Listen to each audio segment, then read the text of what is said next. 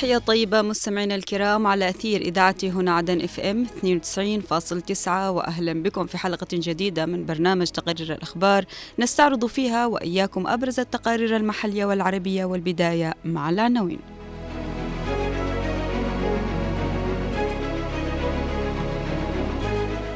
مجلس العموم الجنوبي حدث سياسي وخطوة حاسمة لاستعادة الدولة.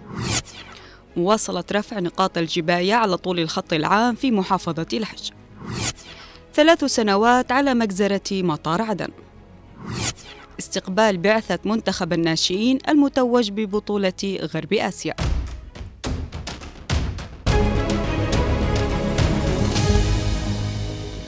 يترقب شعب الجنوب الحدث السياسي المهم المتمثل بانعقاد مجلس العموم في العاصمة عدن وسط آمال لاتخاذ خطوات حاسمة من خلاله على طريق استعادة الدولة.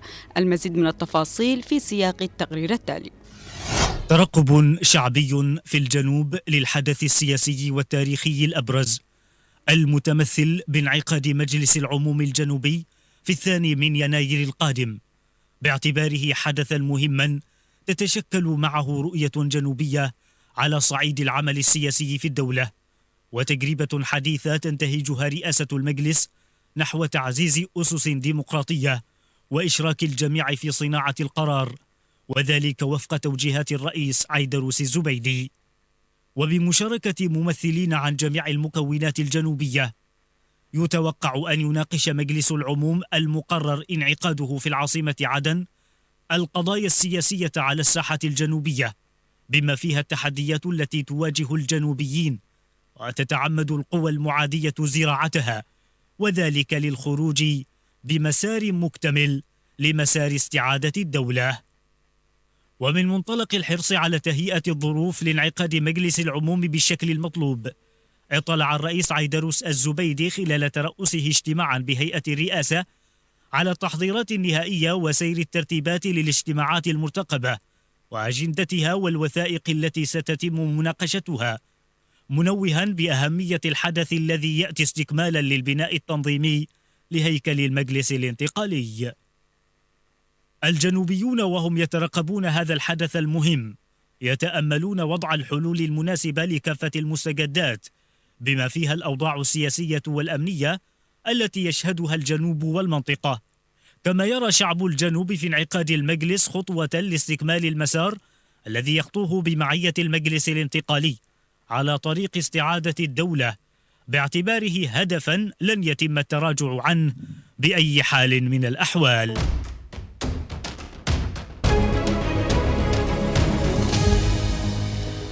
تواصل قوات الحزام الأمني بمحافظة لحج رفع نقاط الجباية على طول الخط العام في المحافظة تنفيذا لتوجيهات الرئيس عيدروس قاسم الزبيدي. نتابع التفاصيل في التقرير التالي. تنفيذا لتوجيهات الرئيس القائد عيدروس الزبيدي رئيس المجلس الانتقالي القائد الأعلى للقوات المسلحة الجنوبية والأمن واصلت قوات الحزام الأمني بمحافظة لحج رفع كافة نقاط الجباية على طول الخط العام في المحافظة. آه، كللت هذه المهمة بالنجاح الكبير وتم رفع جميع نقاط الجبايات آه، من كل النقاط في المحافظة المنتشرة ولا زالت جهودنا مستمرة في متابعة آه، يعني في متابعة ومراقبة هذه النقاط يعني من عدم منع يعني نزول أو إنشاء أي نقاط جباية في انتشار المحافظة. الحملة جاءت بناء على مخرجات الاجتماع الذي عقده الرئيس الزبيدي مع القيادات العسكرية والأمنية وقيادتي السلطة المحلية والمجلس الانتقالي الأسبوع الماضي والتي قضت بتكليف الحزام الأمني بالإشراف على رفع نقاط الجباية كافة واستلامه للمهام الأمنية. فنفذنا بالمرحلة الأولى من الحملة. برفع يعني جميع الجبايات من نقطة الرباط حتى انتهاء بنقطة السر يافع. وعلى امتداد الخط والعند ومديريات ردفان ومديريات يافع محافظة لحج والحملة الثانية نفذناها في اتجاه مدينة دور الباحة ومدينة آه، راس العارة والمضاربة راس العارة. الحملة هذه آه، يعني ست يعني ستساعد في حل كثير من المشاكل في المحافظة. آه، لما تسببته هذه وجود هذه النقاط الخارجة عن القانون من مشاكل آه، ازدادت يوما بعد يوم. ولكن بإذن الله تعالى أن الحملة هذه ستؤتي أكلها وستحل الكثير من المشاكل كما ذكرنا. أصبح تأمين خطوط الطرقات العامة ورفع نقاط الجباية غير القانونية. قاب قوسين أو أدنى. تزامنا مع جهود الرئيس عيدروس الزبيدي في إعادة عمليات تفتيش السفن إلى ميناء العاصمة عدن تدشينا باستعادة المكانة التاريخية للميناء وموقعه الاستراتيجي.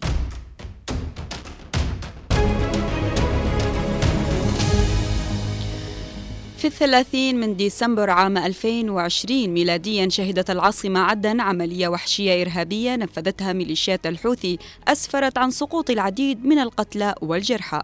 نستمع لبقية التفاصيل في التقرير التالي.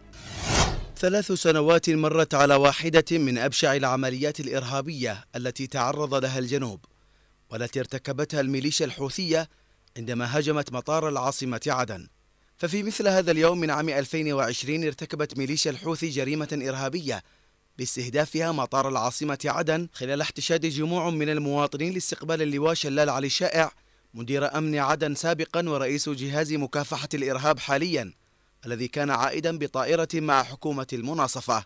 وشنت الميليشيات الحوثية قصفا مروعا مستخدمة أربعة صواريخ حوثية استهدفت المطار ما أدى إلى استشهاد عشرات الشهداء والجرحى. من بينهم مسافرون مدنيون وصحفيون. تلك المجزرة المروعة ارتكبتها بعد ثلاثة أيام من مجزرة أخرى عندما استهدفت قوى الاحتلال اليمنية مخيم العزاء بسناح الضالع. في تأكيد على أن ديسمبر هو شهر المجازر التي ترتكبها القوى المعادية ضد الجنوب. ومع وحشية العملية الإرهابية التي شنتها الميليشيا الحوثية فقد اعترف هذا الفصيل بمسؤوليته عن هذه العملية التي كانت الأمم المتحدة قد صنفتها بأنها جريمة حرب. وكان المدعو محمد علي الحوثي قد زعم في أعقاب العملية الإرهابية أن الخبراء الاستراتيجيين يستطيعون الآن أن يقولوا بأن الحوثيين وصلوا لمرحلة ما اعتبرها توازن الردع وهي بالأحرى الإمعان بالجرائم الإرهابية والتي أظهرت خسة هذه الميليشيات الإرهابية. مجزرة مطار العاصمة عدن. هي واحدة من جرائم الحرب التي ترتكبها عصابات الاحتلال اليمنية في عدوانها المسعور ضد الجنوب واعتادت هذه العصابات الإرهابية على توسيع جرائمها المعادية ضد الجنوب والتي تحمل صبغة جرائم حرب مروعة. ومثل هذه الجرائم لا يمكن أن تسقط بالتقادم. ومن ثم فإن محاسبة عصابات الإرهاب على جرائمها أمر حتمي وضروري. ولا يجب أن يتأخر لضمان تحقيق الأمن والاستقرار.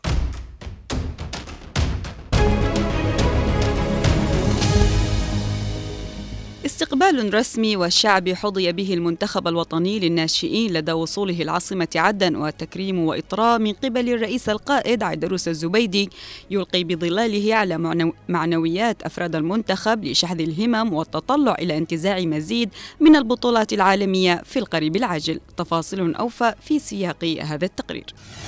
إنجازكم عم أرجاء المحافظات بهجة وسرورا. وكنتم خير ممثل لوطنكم في المحفل الخارجي.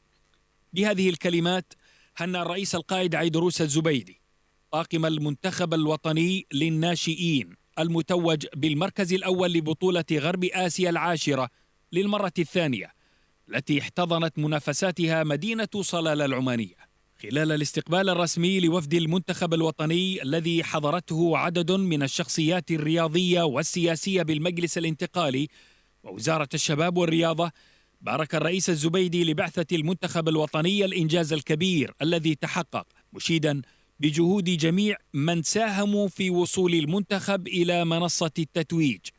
دون استثناء الرئيس الزبيدي طالب وفد المنتخب بالاستمرار في العطاء الرياضي والابتعاد عن كل ما يضر بموهبتهم سواء على المستوى البدني أو المعنوي.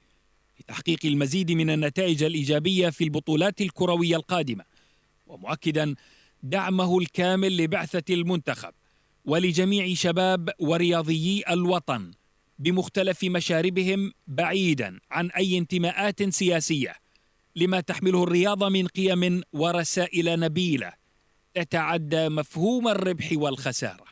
في ختام اللقاء وجه الرئيس الزبيدي بتكريم كافة أفراد البعثة بصورة تليق بالإنجاز الكروي الذي حققوه على المستوى الإقليمي وتحفيزا لهم لتحقيق نتائج أكبر في الاستحقاقات الكروية القادمة على المستوى القاري. رئاسة بعثة المنتخب الوطني ثمنت من جانبها حرص الرئيس الزبيدي على استقبال أفراد البعثة وبما حظي به أفراد البعثة من تكريم خاص من سيادته مثمنين دعمه المستمر للشباب والرياضيين في مختلف المجالات. يأتي ذلك التكريم عقب استقبال شعبي حاشد لبعثة المنتخب الوطني في مختلف شوارع العاصمة عدن والتي رفعت من خلالها أعلام دولة الجنوب وهتافات تحيي بطولات المنتخب الوطني والإنجاز المجيد هذا.